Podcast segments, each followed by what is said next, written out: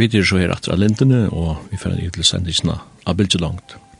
Og verster er morgon er Simon Absalonsen, og jeg kan sånne Danielsen, han er teknikar.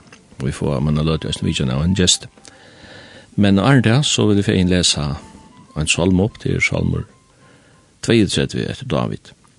Sæler er han, og hun finner misbrott sitt 24 og sin sunn av. Sæler er han med over i herren ikkje tilråkna miskjer, og som ikkje hever svike andasund, så langt som jeg takte tardes bøyne mine bostur og jeg gav meg løye lengan deg. Tog det og natla handtun tung av meg og løsmåtte min svannborst som i sommartorsk, sela. Ta ja jeg sint mine, fyrt her, og jeg dulte ikke skilt mine, jeg sier, jeg skal jata miskjer mine fyr herranen, og du tøks bostur synda skuld mine, sela. Du skal kvar heilaver bia til to inn til stund til å finna, visselig om ta ståra vanskla å komme, honom skulle det så ikke nå. Du var sjølmøyt, du fria mig trångt, frelsefakna leder du vera rundan om meg, sela. Jeg skal læra deg og vise deg vegin og du skal genga. Jeg skal leggja deg ravi at hitja at. Vi er ikke om hester og muldur og ikke vidt hava. Prøyetarra er teimar og baksla tvinga deg vi, annars kommer deg til deg ikke nær. Hinn godløse hever menga plaver, men han i lydra herran leder han nøy og vera rundan om. Gleist og herranan og frøyest, tid rattvise, feknist all tid sann hjartav. Og vi hans norren nur, som sier, så færa de ut til en sang, og vi får høre sangen Guds nøye med ber.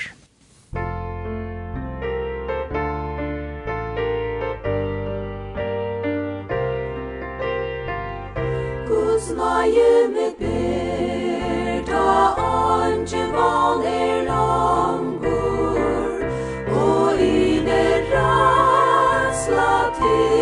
moina sa O ta ui so hai morin Ein del for gong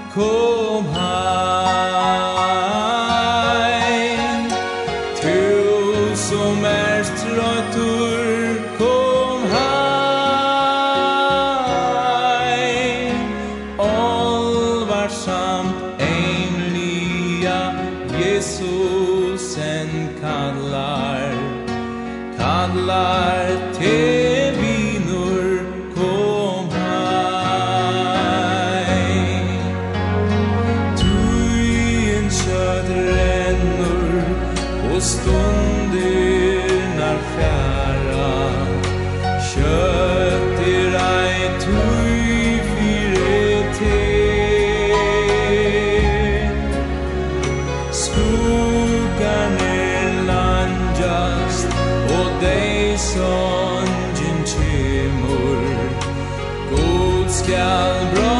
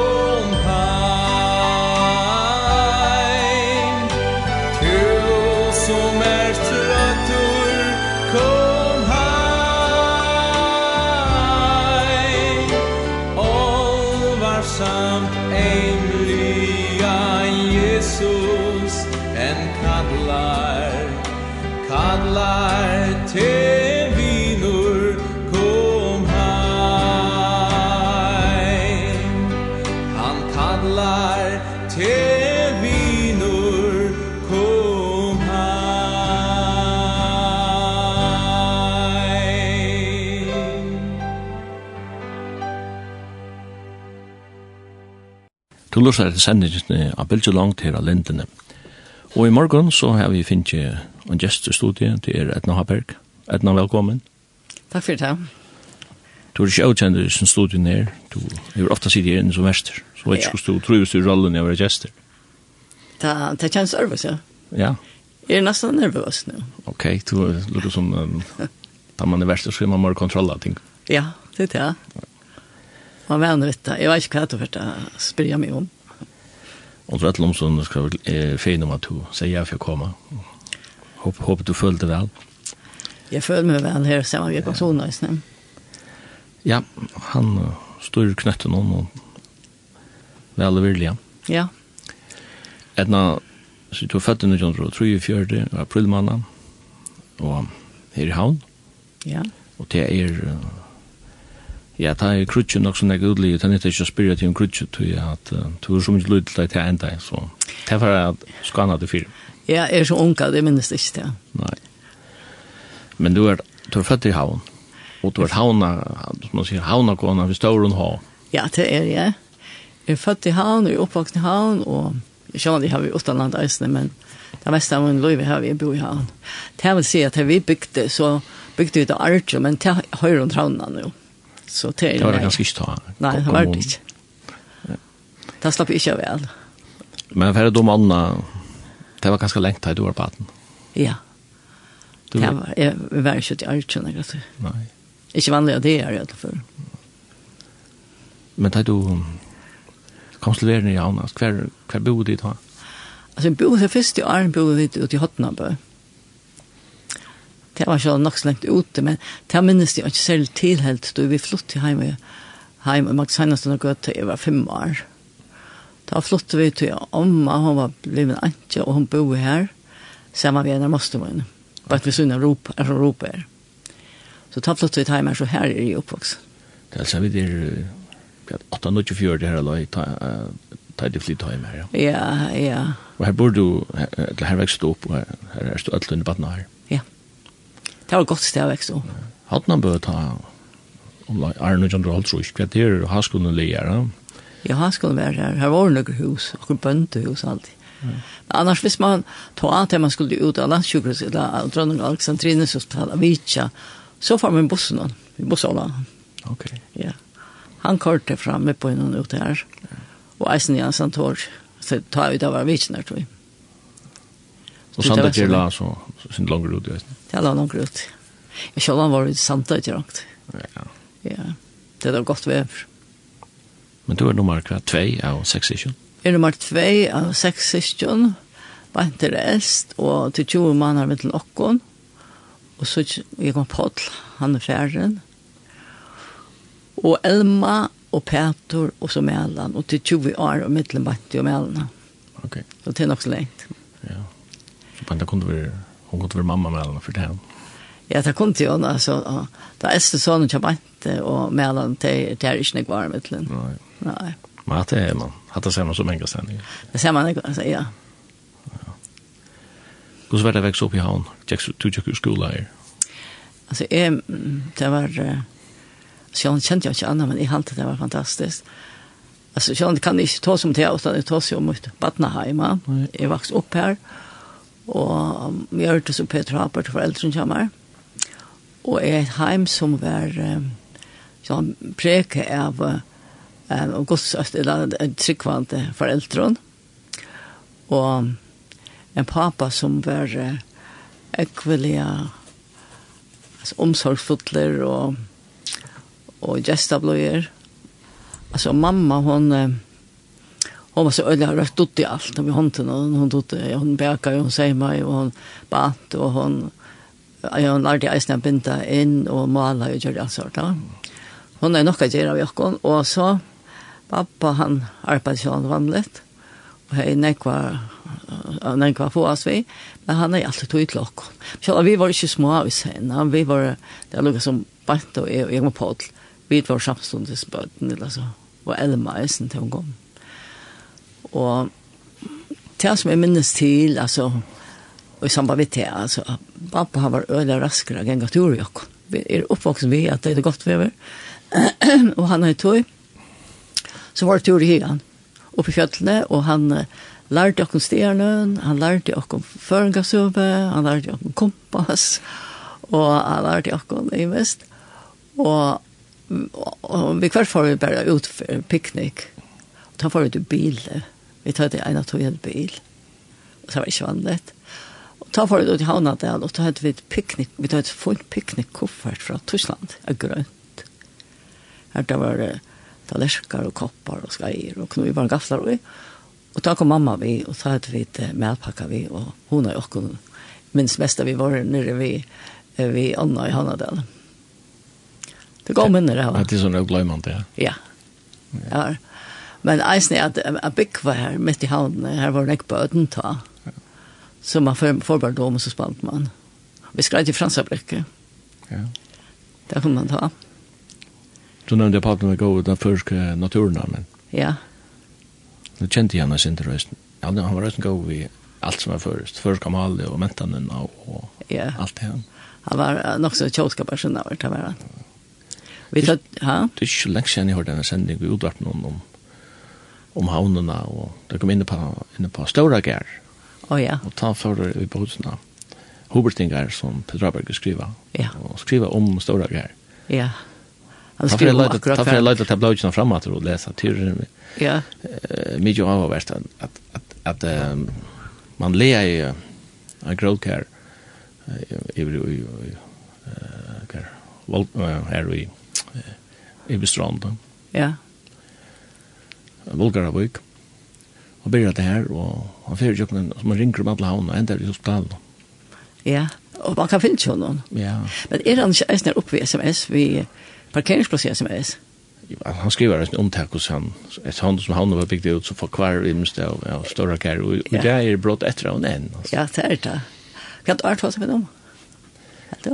Nei, jeg vet faktisk ikke nær. Nei. Jeg er lengt til søyen. Lengt til, uh, ja. kanskje det man har lagt träger in eller og han kanskje gjør det. Det är nekva nekva arbeid vi er litt å velta og så. Ja. Det er en grågar på flere kilometer. Helt sikkert, ja.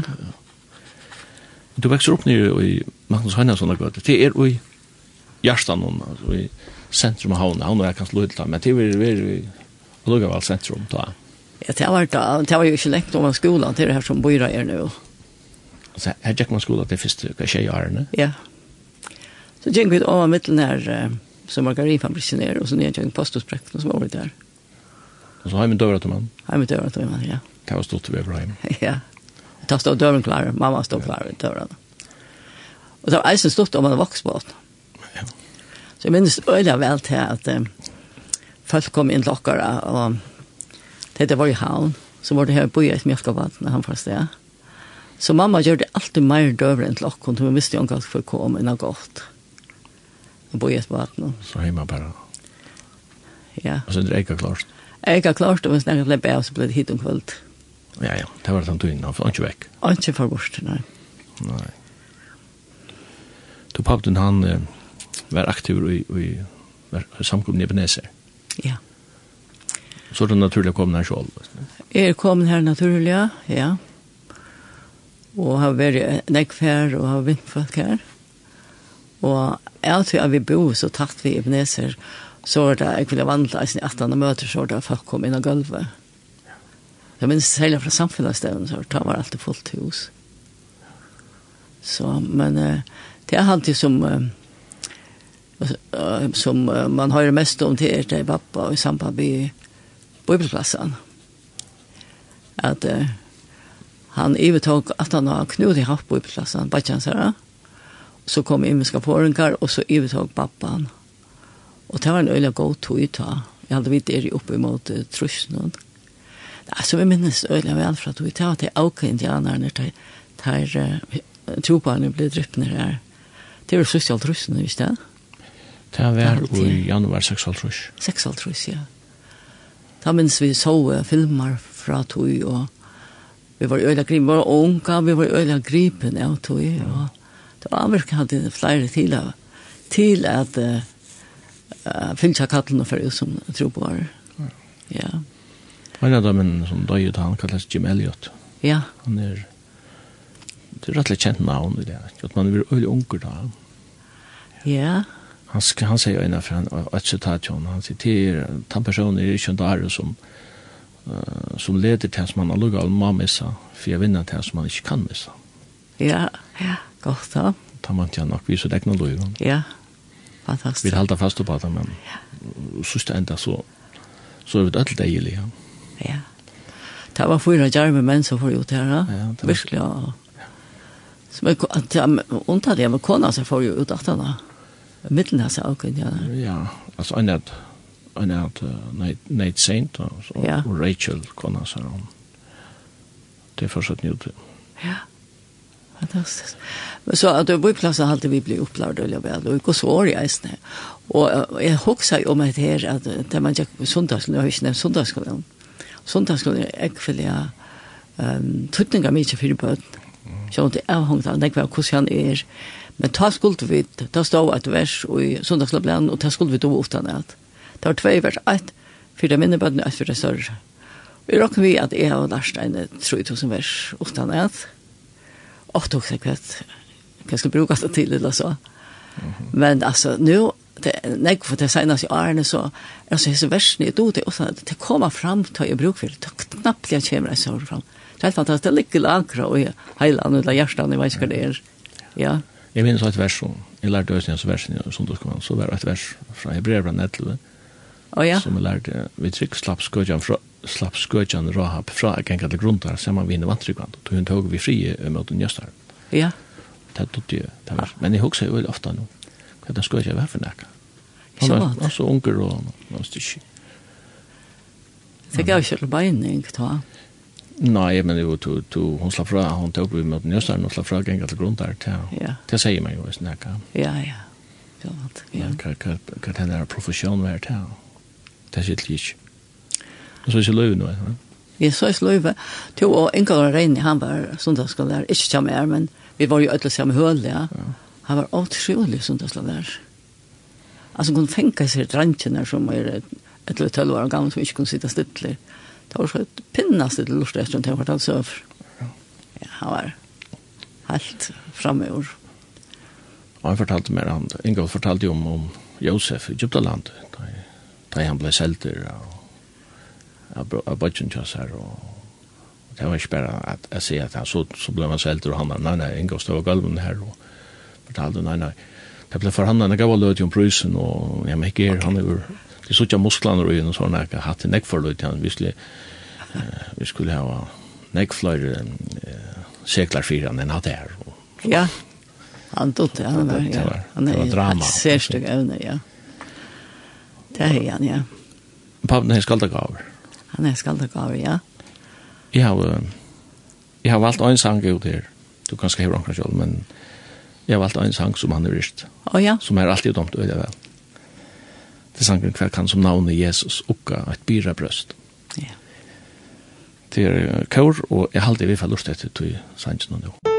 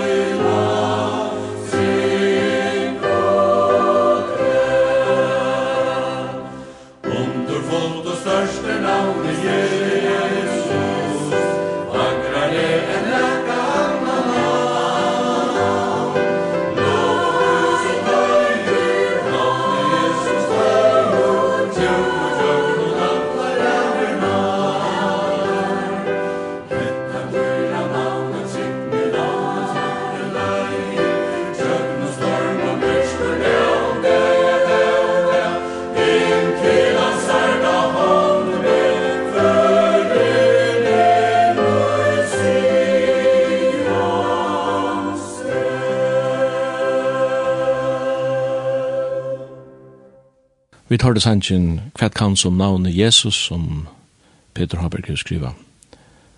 Og Etna Haberg hon er gestur her. Jeg bygde langt i linden i det. Etna, jeg nevnte for, eller vi var inne av skolegång kjett her. Jeg kjører her skolen nere her som uh, Rahuset kjent, her som han kom under det. Ja. Men, han var noe større. Han var noe større da. Ja, det var han. Og til kjellmæren kjett her som tekna han. Var det det?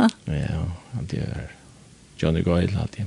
Okej, ja. Han är flott. Eller på Eva. Ja, ja, det är alltså jag tror en gammal pickning. Ja. Ja. Du du jag kis alltså ta tjejer för så flyter man skolan. Ja, så får man till upptag runt i anskalan. Och sen fram här i fem år. Och det var skolan gång till. Ja. Tog jag det var det var öliga få jenter som var i studenterskolan. Det var en kjølfylgja for studenterskolen. Så da var man ute og arbeid, ja. Men du tjekk så tror jeg i realskola? Fem. Ja, fem år? Fem år, ja. Nå, jeg var skvatt til er... Etter preliminær. Ja, ja, fem år. Først fem, og så kommer... Så det var middelen, middelenskola, som man kallar det, og så real. Ja. Ja, ja. Alltså jag hade visst man tänker fyra att det finns sådana mittelskull och som att jag tror så real jag var så det hade den gamla och så. Ja. Som jag kallade han lugga till nu som så första truschen alltid. Var det det? Ja, ja, her låg jag alltid. Ja. Det var fint av jag ja. Att lever i allskolan och han han la nu heldig han la ösen midt i bøyden, kan man säga. Det är väldigt lengt. Okej. Men alltså i sommerferien arbeidde jeg jag fisk eller fiska fiskarcentralen. Ja. Ja. Så och att han att jag lever i skolen, så får jag arbetar min mamma kom hem och hon har skaffet mig arbeid som som ekspedtrisa og jeg tjekk noen lampa. Og jeg tømte slett ikke, jeg kunne ikke kjenne, hun er ellers bort med året. Er Knut Lampa her, med hver handel? Ja, med hver handel, og hun er underkjente koppar og sånt. Ok. Ja. Det var ikke du? Nei, ikke det, nei. Men uh, her var jeg en av to inntil jeg fikk læreplass i forrige banka. Og det var, det var helt fantastisk, altså. Ja at vara så heldig, eller man säger, på att det var en fin en mycket bantje og jag kom lære det her. Här känner man så, det lagt upp och ja, men jag kände bara att det här är det inte. Stäcker du att någon narkomaner eller Nej, nej, nej, det har inte. Eh, att någon men ikke, allt annat är ganska. Okej. Så det er livet? Ja, jag visste jeg skulle vara sjukhuset. Jag inte bakka kom, bakka dama. Og ble det så sjukrøsens la inn beina ved atna bakkene? Ja, så var det, så får jeg og min kone rått for au pair til Ånklands. Og vi får, eh, til Skottland, vi tar ikke arbeid i Edinburgh. Altså, ta for jenter annars nyere husholdningsskolen. I Danmark? I Danmark, ja. Så dette var, jeg han er sur, eller for. Men dette var helt noe annet. Vi får, men ta, var en ferga, jeg vet ikke hva skyldte til Hetland. Mm Så fra Hetland stilte vi det ivet til Aberdeen. Og kona Skærhammer var her. Så hun tok seg av oss, så vi kom fram i Ødelgåen. Jeg var 18 år, og hun og lukte seg ikke. Men vi hadde ikke vært, vi hadde vært Danmark, men annars hadde vi ikke vært land, og så er snar. Så til vi kom til Aberdeen, så skulle vi ivet etter til Kortner, en av Kortner. Og det er et hårst om han. Ja, jeg har alltid også fortalt meg det. Det var så nok så... Det var så få. Det var iverklassehus, ja? Ja, ja, ja, det var det. Vi får sång, så man tenter, så ble madrassen heit, og så vakna måttene, det benket på at hun kom inn, tjenest kun inn ved kappa og serverer i te. Det minner om å sykje sånne gamle filmer fra BBC, ja, det var... upstairs, downstairs.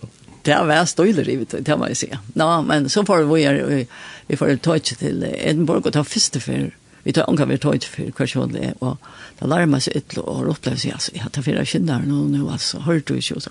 Men vi kom fram i ytlo gåvån, og så kom vi da på røntgen, og så boja vi etter at han som jeg skulle arbeide tja en hakstaratt og sjangførere. Jeg vet ikke hva som pappa skaffa, at jeg noen samkom med han. Ja, og han kom etter oss, og vi boja i boja, og så kom han, og til han kom var han ikke milder til at, spurte hvor vi kom der opp til han måtte bruka seks pence for å komme ned etter oss tar du Skottland, ja. Ta var du kommet til Skottland, det visste jeg, ja. Men det var en, en prakkfull tog, alt år. Så kanskje det er vi spyrir at når du kommer til Skottland, og i tog tog inn, ja. Hvordan vi vet du målslige? Ja, det var jo ikke tropleit. Nei.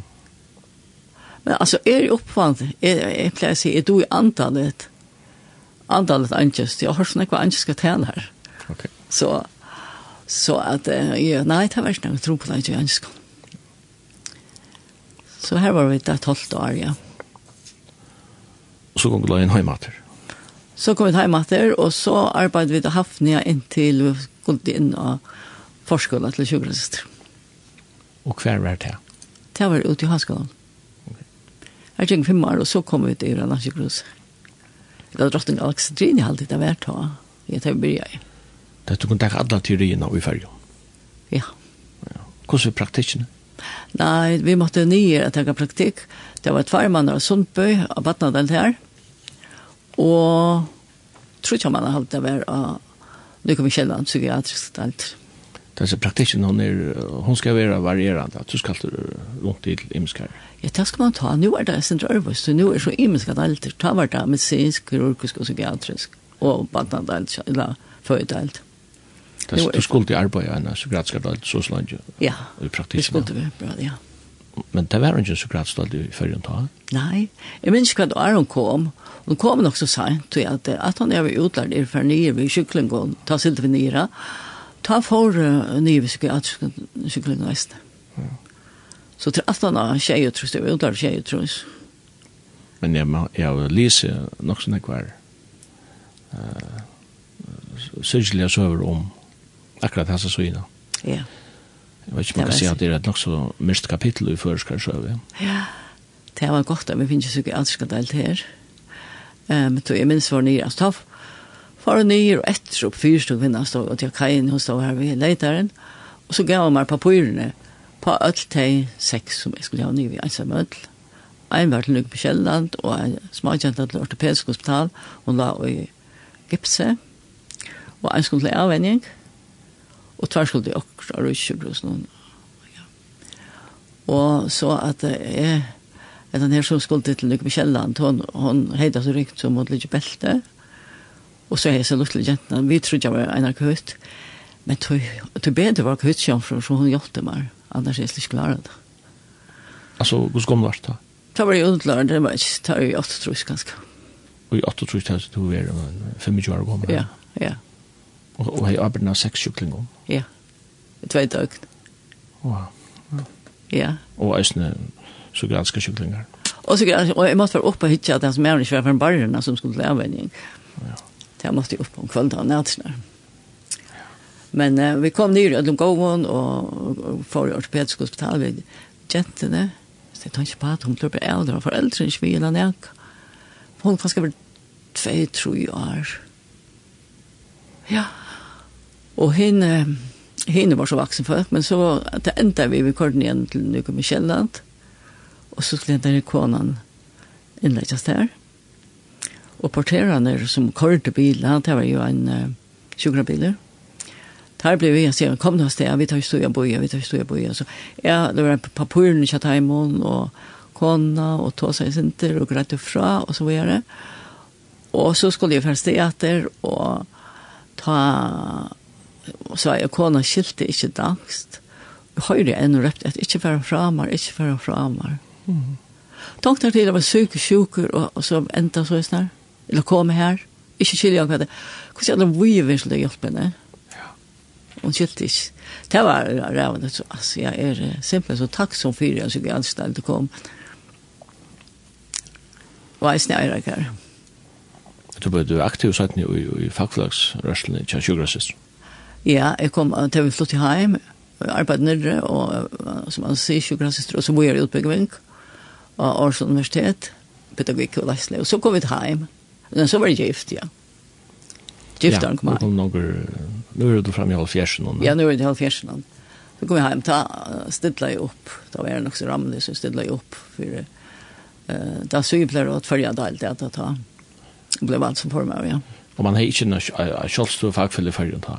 Nei. Vi får nira fond. Okej. Tals av ta löner till finge ta danska löner. Det blir en blocker eller så. Ja, ja. Skulle Ja. Det var det vi tar danska lønner. Så Men du bor ju så att att du fem sjön till Danmark här. Eh, vi syster tusen där att du du flyttar ner där. Ja, alltså som sjukrast arbete i Danmark, en och två ja. Men jeg vet, du arbeid er sånn, du arbeid norra. Ja, det har jeg eisne. Jeg var arbeid Trondheim et år. Ja.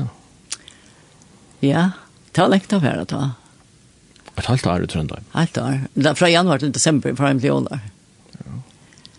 Det var eisne godt, det var godt av her. Var det kjenne fra en bibelskøy i Sorangland? Jo. Jo. Det er nek forskjellig til man i livans lunch. Det, det var et, et langt skoj på nære mannere. Det var, ja, det var helt så i kanalen. Her var polmer, det var prakkfullt. Men det var så kaldt inne. Man, man kunne ikke holde varme nesten, men jeg var jo nære mannere. Vi var ikke så nek folk her. Jeg minns det var en dronk, og så var vi bare en åtta, tutsi jenter. Og det var en, en, en så skoj? Ja.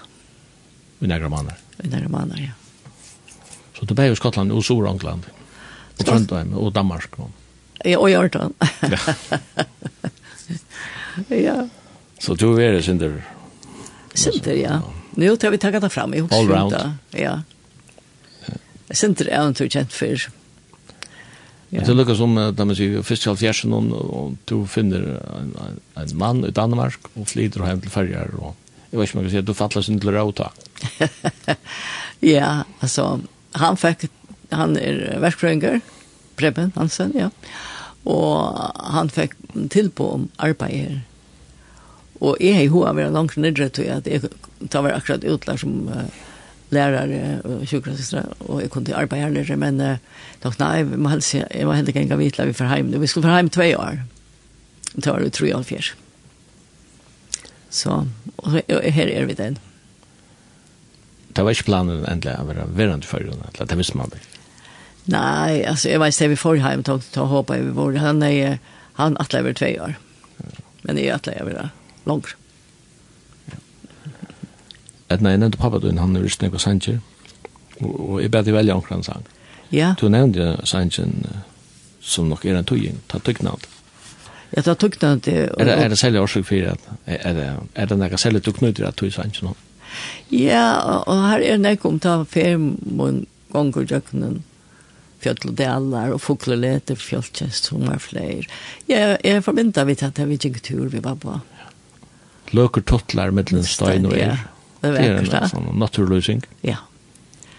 Och tog också, jag kunde också med Horstan och Ola var vanlig synkran, det kunde vara vackert. Den sangren minnet det kanske turer när vi pappa den det var pappa. Ja. Och tog det det höra det här. Det han är inte omsätter det sang han är förskaver. Ja. Så han är till förskvärskifte. Og så høyre han, så kan du øymynda der hvordan vi trynte eist forklare at vi gjenker til jord. Ja. Jeg har alltid hildet sangen var opprunnet av de. Ja. I see the stars, I hear the rolling thunder. Ja, han er enskene, ja. Men uh, han er ikke opprunnet av enskene. Han er opprunnet av svensk, så vidt. Ja, så han har omsettet til engst. Han er en av den uh, halvt kjent i i, i, i engsttalande parten av hjemme, altså Solmer. Ja, ja Men svenskar är så, så ja. Jeg har inte påpekat Karl. Ja. Som er är Istan. Ja, vi får lust etter sin sannsyn å ta tyknande og i undran herre drotter etter omsendinga til Peter Haberg.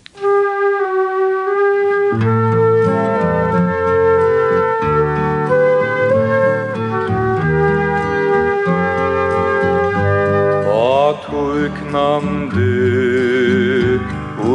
hundran harre dråttor Mer bistast tun Allaheim skapar vers Han stjødn og fjöll Han kvödle tor og slåttor Og i ödlon kjell Rekvast hon tun styrs Ta syngur samun frelsar til tun Kvör mikil kur Tu harri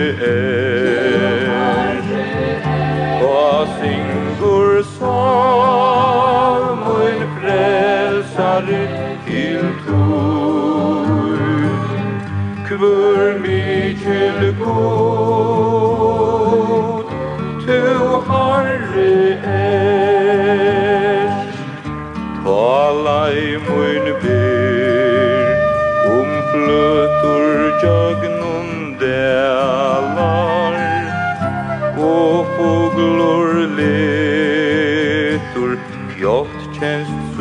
sommar fleir. Og tinda hatun Rymden til mun tælar Ta løkur Middlun stein og eir. Ta singur sang Mun frelsare til tro kvör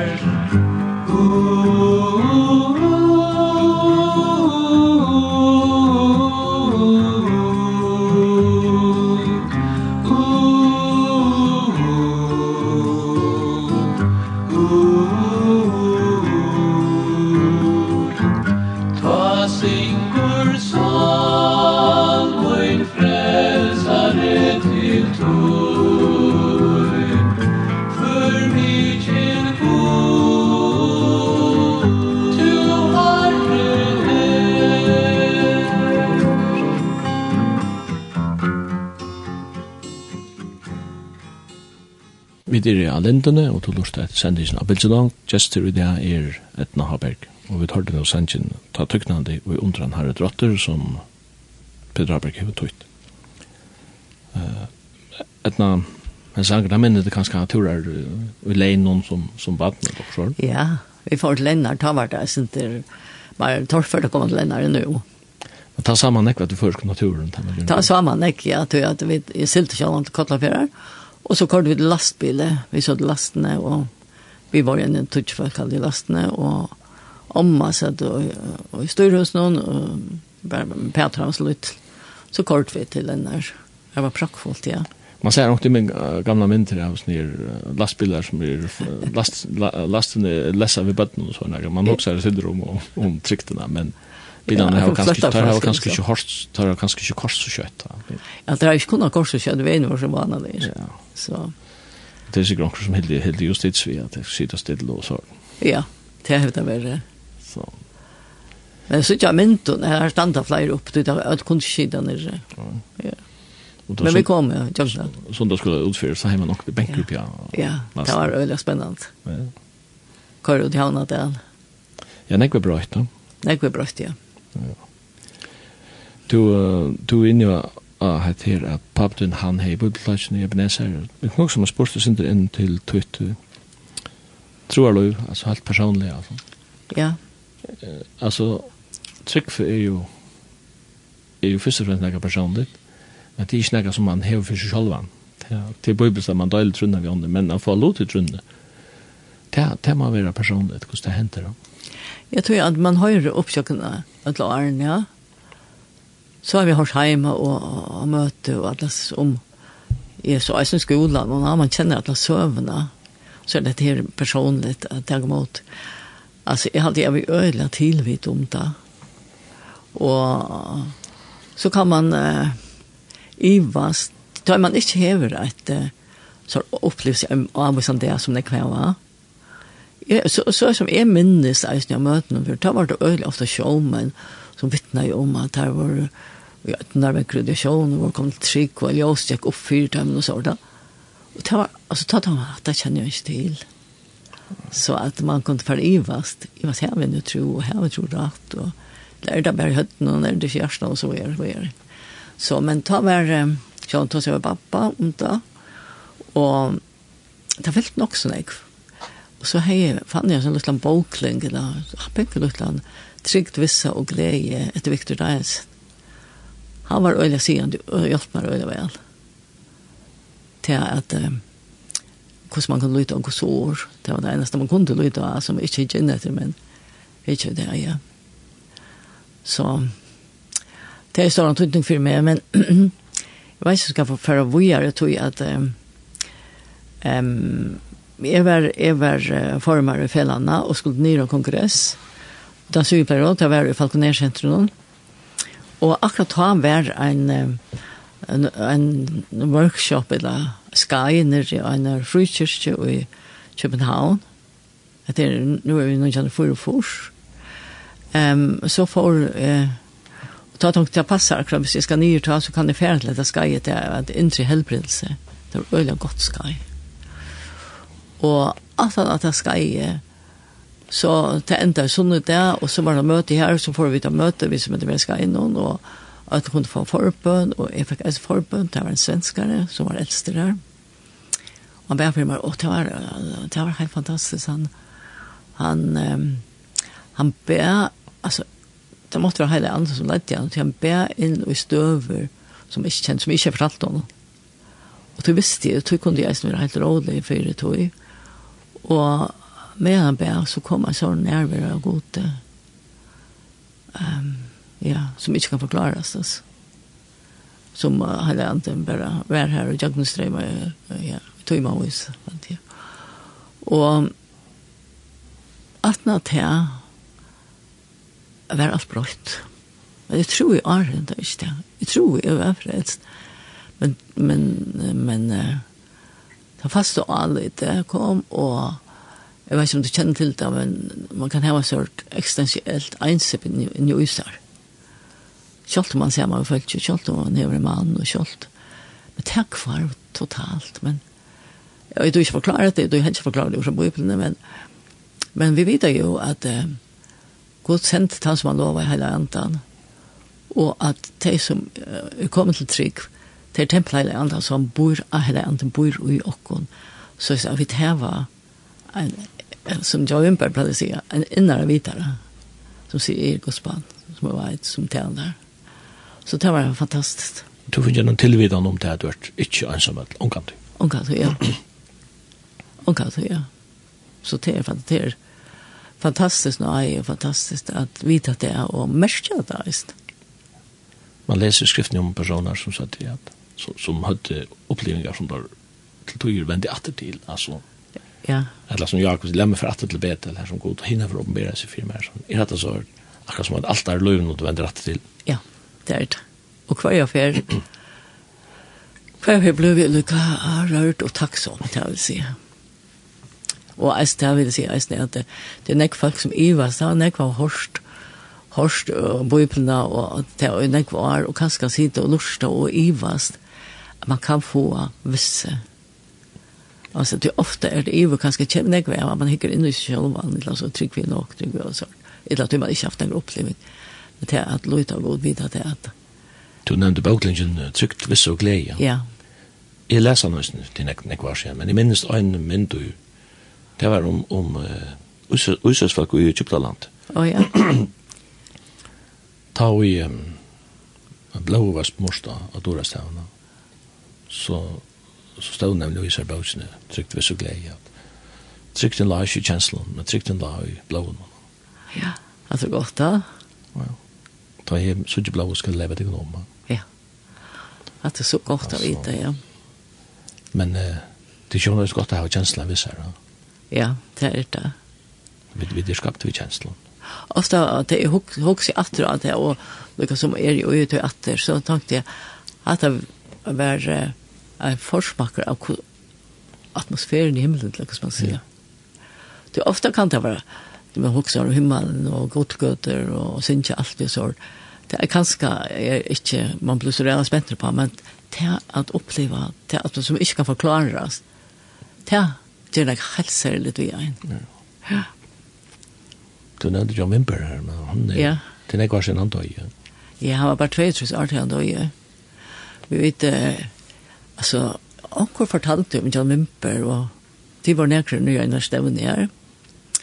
Og så igjen det her var vidtveri i Anaheim og i Kalifornien, jeg og bøttene, Høgne og Maiken og Preben og jeg var i det. Og vinner til Anaheim.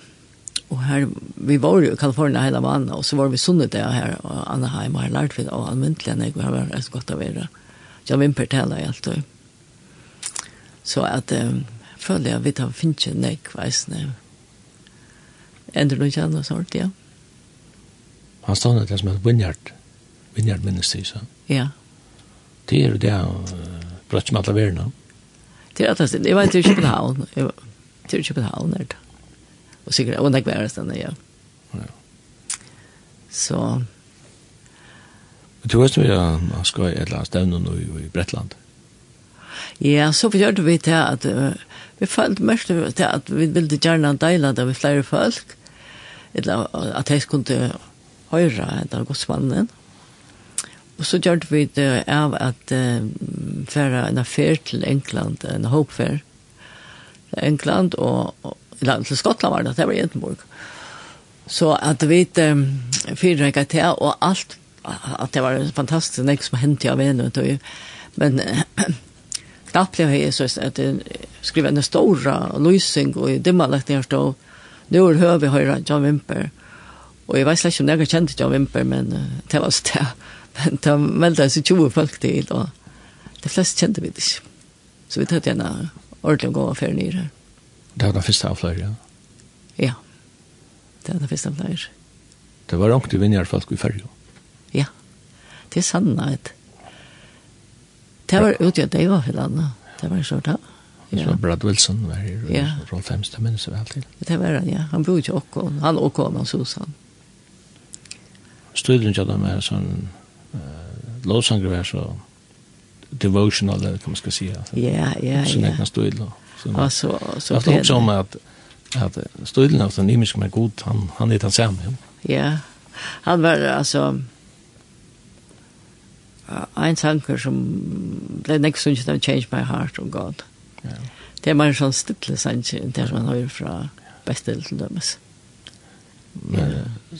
som kommer fra Vinjar, har han sunget at man laverer det til. Ja. Og jeg snakker at han er av førsko. Ja, ja, jeg snakker av førsko, ja. Det er som synes jeg vet at de ikke er at han kommer herfra. Nei, det er sagt at det ikke stender under hver yrst eller hver tog tog tog tog tog man vet ikke hver er er sant, så sagt, ja. Så det har vi vært nekra ferner, og ja, og så er vi aktiv av Glow. Ja, av Glow er jo alt jo fellesskap. Ja, og det var, jeg halte det var, vi, jeg, det var det, jeg var jo av Glow, mm, 20 år, ja, fra 24 til 25. Da kom, um, Alltså kjente jo ikke selv särskilt glad. Och vet um, så kom uh, halt Anna, Anna Kak och Maja Dalskar och Borgild Olsen och Anna Sofia Nordal var ju nämnt när Lasse. Ta kom Maja och spurte meg hur jag var vi och jeg visste faktiskt ikke allt vad glad var. Vi kom och gjør, og det var noe fantastiskt år jag haft där. Det var noen antallige mekna kvinnor.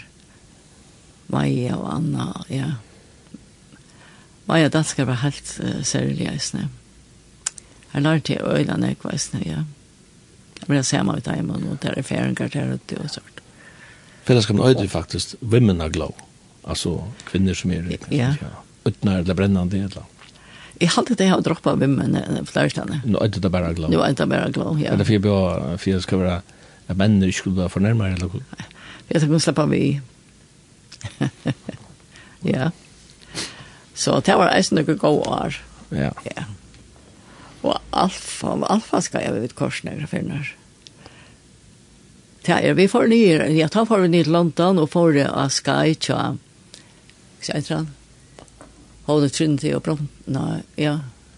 Ja, Nicky Gumbel. Ja, Sky tja honom om at halde alfa, Sky. Og hver, hver Gumbel i, i Danmark? Nei, London. Ja, og spennende til London. London, han undervist. Så att um, så vi finns ju god undervisning av vi för en gång vi alls skulle det har vi haft några och det var det äsne. Det var just att vi tar bort till öland folk, ung folk ganska. Så var vi i Alfa Sky. Det är Alfa Sky är att man får en grundläggande vitan och bibeln om man förstår några spårningar. Ja. Helt grundläggande spårningar. Ja, helt grundläggande. Kvärt är kristendomen, kvärt är bibeln, kvärt är Jesus. Ja. Så. Vi skulle kanskje tidsje en sang, kanskje, Ja. Ja, og uh, tidsje en sang her som kallas Takk med Atlan, Herre Jesus. Ja, det er en pappa. Ja, han er stand. Han er stand, ja. Da man uh, les sangen, så, så er det en bøn. Altså en sånn innelig bøn. Ja, det er en innelig bøn, og... Hva er det søva natten for henne? Ja, her er en søva som ikke kom fram på en av veien, men han stod kan si at uh, vi tar tog som han var tjåskaparlier, og han var han var politiker och han var ben om måste ställa upp och en flasker ja. Och så var det han var alltså han är skrivsund i Kristianstad det goda hus här nere och han var uppe i loften här och tog sig god om han skulle göra det. Här men det var en kamp där nu öliga gång ho men han valde inte för men att bruka sin tog till uh, till det som god vill bruka han til, bibelklassen och det här. Så att ut i samband det var nästan där sen så takk med alla här Jesus. Takk med tatta där, ja. Ja. Vet du alt om min lov. Ja. Ja, vi får lust att sen takk med alla här Jesus. Takk med alla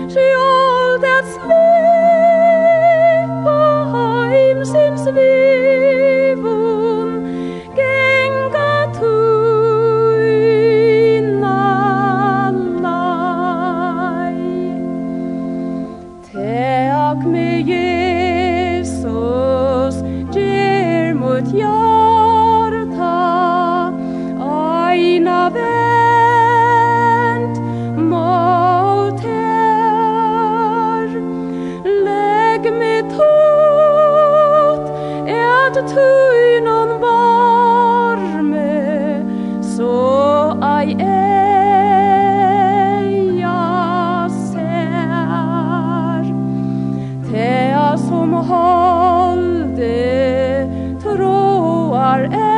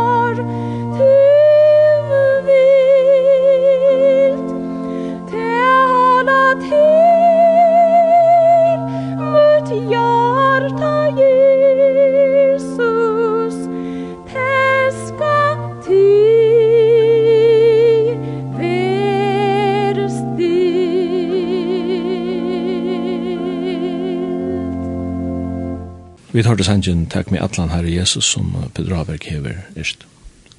At jeg nevnte jeg sangen erst til samband vi eh, nekker avbjørnger som han hever løyven og at en innelig bøn og at det er en sanger som erst av en menneske som og på ankra mat av strøyes. Ja. Det minnes, det minnes vi som når jeg leser Salman her, at du finner mennesker her som er i atlan atlan hoksamt omstøvna, bæg, ja. bæg og i storan og, og, og, og i glede og Det er sant. Og alt det, ja. Ja. Men jeg kan huske med en annan sang som pappen har snivryst, som, som er yster og en øren sinnes tilstand, kan man säga. Å oh, ja? Jeg hørte den ena for en her tal, Jeg og godt nok helt ny København, men jeg åtte en kassetteband, han sier at Jeg minnes at en unge med kom til sånn og, og sier vi han, Peter, jeg var nere i vaklen og hørte frelsens her. Det heter Gatemøte, og det er sånn gøy som lærte han sang som heter kanskje ikke be om å spyrer dem ikke få teksten til sangen. Du, okay. du kjenner det så vel i fleste her. Så, ja. så, så sier Peter, hvordan lever sangen? Ja, han lever så halleluja synger i min hjerte. så sier han, da sangen kan så godt bruke han, han har jo ikke aldri yrt, sier han. Å oh, ja, ja. Og han sier, ta jeg neste til sangen, ta vær frelsegleden så sterk i salen, jeg sier han, jeg ber i første vers, og nye leie bryr jeg vi, halleluja han sier at uh, det Frelsen her var så vanlig och så halleluja så han han gav dem sanns. ja, det brukar han ikke, veist. Og man hører det at det som du nevnte, det är öle moner och kvar støv han var ute och inte hade bara sanns där. Ja. Ja. Det er gleden veldig fram jeg när halleluja synger på nästa, ja. Men det säger syndrom om at det er så himmelske situasjoner vi kommer ut for i löven. Ja. Ja. Ja. Alltså Louis Heber alla dessa här varianterna kommer. Sett när ja. Och så tog nämnt ju alltså Salman där. Ja. Här är ölen jag upp och ner och ja. Så är gott att säga mig jag var så kus känslan jag kom där. Det var svårt ja. Det är gott att veta. Skulle fan lust ett mer fläsen här synger så han inte på det. Halleluja synger om min hjärta. Jag vill göra bra det. Skifta vid stolt man jag sagt. Ja.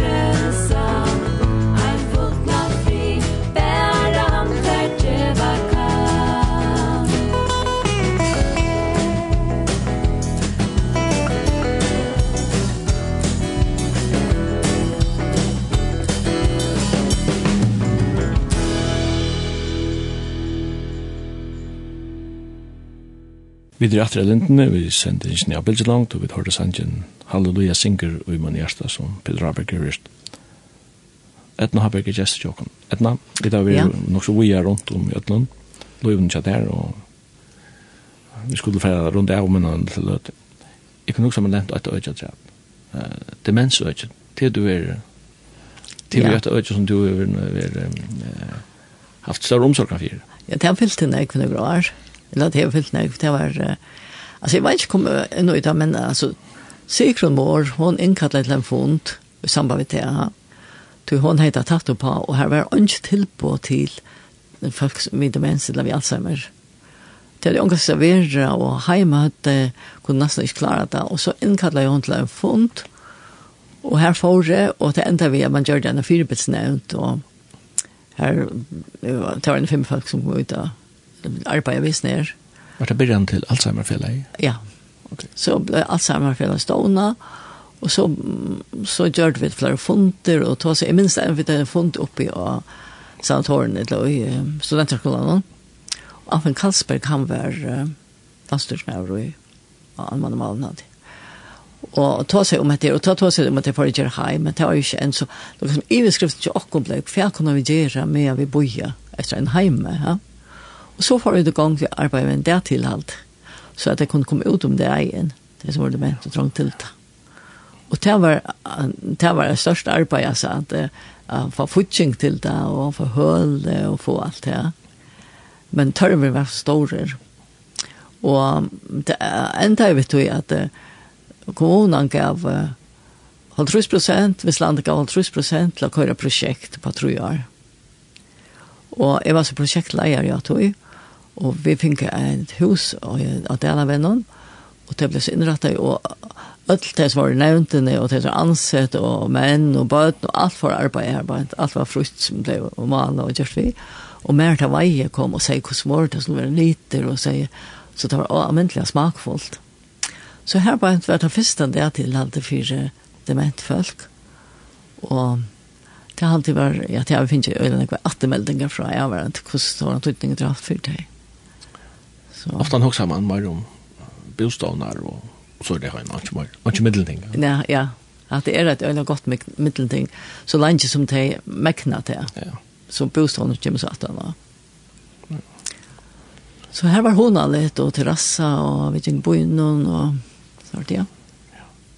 Jag minns när vi var en tur vi en som som inte hänga som inte kunde ta sig samman hänga de mer så var det ute i regnet, og ta fortalte han ordentlig, han, han ordentlig vakna opp og forklare, og vi fikk det av at han er bo her, og han er spalt her. Ja. Eller skjøtt nå vet jeg igjen her, ja. Man snakker om lengt tøyer minne, ja, til det. Ja. Det er sørste som fer. Ja. Visst det, det visste jeg, ja. Så. Så gjerne, så gjerne til jeg flere der til at komme. Ja etna vi kunne ikke enda ta och snakke om det nästa generation och sådär. og, Och barn och ja. bøten. Og... Det er tøytninger mest da. Ja. Ja. Som sagt så er vi Preben två barn till Högny og Majken. Så Högny og Trusten og Majken är 14 og Og Högny bor her og er fyra døter. En som er 22 og 30 som er nok som var 11, 8 og 6 år. Og vi bygde tass sammen, og det er ikke Michael bor i London. Og Maiken bor i London, ja. ja. Så til fyra ammedøtter då? Fyra ammedøtter, ja. Og til løsens dessert? Til løsens dessert, og det er bedre for høkna, så er det en som tror han sparka. Ok. til det jeg kan si. Ja. ja. Og det er Sarepta nu, familielevet. Ok. Ja. Yeah. Så vi er jo ofte i London, eller ja, så kom corona, så var det ikke i London två år. Ja. Annars er vi tvär för Mar, och man kan här är en tvär för Mar her, reist. Ja. Ja, det syns det ser ut, ja. Det er flott.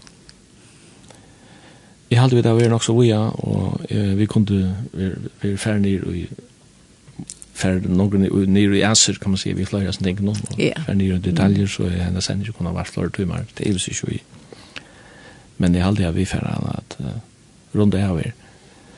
Du du har uh, nämnt en sank som heter han valde med. Ja. Eh uh, kvid kvid du valde en sank. Så jag hørte han akkurat med å køre bil i kjærskvalget. Jeg tenkte, altså, han valgte meg som så i baden. Og det er fantastisk. Og så, det er det som synker, det er så avvendelig av jeg sånt. Så det gikk vi og noen og jeg hørte noen, og så kom jeg tanker om det Kristina. Mm Berensen som synker han. Han valgte med som som det er størst. Jo. Ja. Alltså det vi utväljning som som några tar seg en gang til. det är et problematiskt evne jeg kommer in på sånn. men det lukker att det ständer som alltså och till det som är avgörande. Ja, ja. Men men jag har också hört att hattar greit fra vi att han valde mig och utvalde som en det är alltså ta och ta ut och trygg, ta det ändå fötter så er det utvalgt. Ja. Ja. Er det Guds vilje og menneskens vilje som på en eller annen måte møtes? Du må se, du må si ja. Ja, Jesus sier, at «Angen kommer til meg nåt han feien som sender med drever han». Ja, ja. Det er først og fremst en, uh, et initiativ fra Guds vilje, ja. Men han sier, at «Kom her til meg, at de som strever oss, og har tungt å bære, jeg skal gjøre til en kvill». Så det er en, en appell fra Guds vilje til menneskens vilje, ja Ja. Om man tar ut, ja. Til å, men altså det som unga til hårs, det kunne ikke det. Nei, det vet jeg vet. Så vi tar store arbeidleisene, ja. Ja, helt større arbeid. Ja. Men godt at linden kommer lengt ut. Så det kunne høre kjøkken linden, nei, så det eller kjøkken milene. Det kunne brukes, ja. Særlig at man, man kan røkke om alle verden. Ja, det er helt fantastisk, da. Ja det är fantastiskt och det är stor amper kvar vi sagt just ja. Vi får attemeldinger från folk som som här var borsta och stad i norra Atlanten och bara skip i Danmark och hva det man man nu kan ju lutna till samkomman som vi har hjemme, Och jeg minns en sån morgen var möte här och så var det några normen här och så kom en ut til mig och så sier han känner man jag att okej, okay, jag är från Lindene. Ja han lust eller det sin skilt då. Nej jag la lite men det lust helt det är så sanjer jag vant ju Edna vi får tacka for at du ville tacka dig stunden för att komma her og halse på åkken. og vi ønsker til her og til tøyne gav han dem og et godt liv. og kanskje vi kan høre oss en ære for det Ja, takk for det. Og under alle omstånden så kanskje så kommer du noen forskjell der så verst til det. Ja, Så lenge som jeg har gått an teknikere, så blir til. Ja. Ja. Takk for det, Sjømen. Vi får at høyre Santin, han valgte med.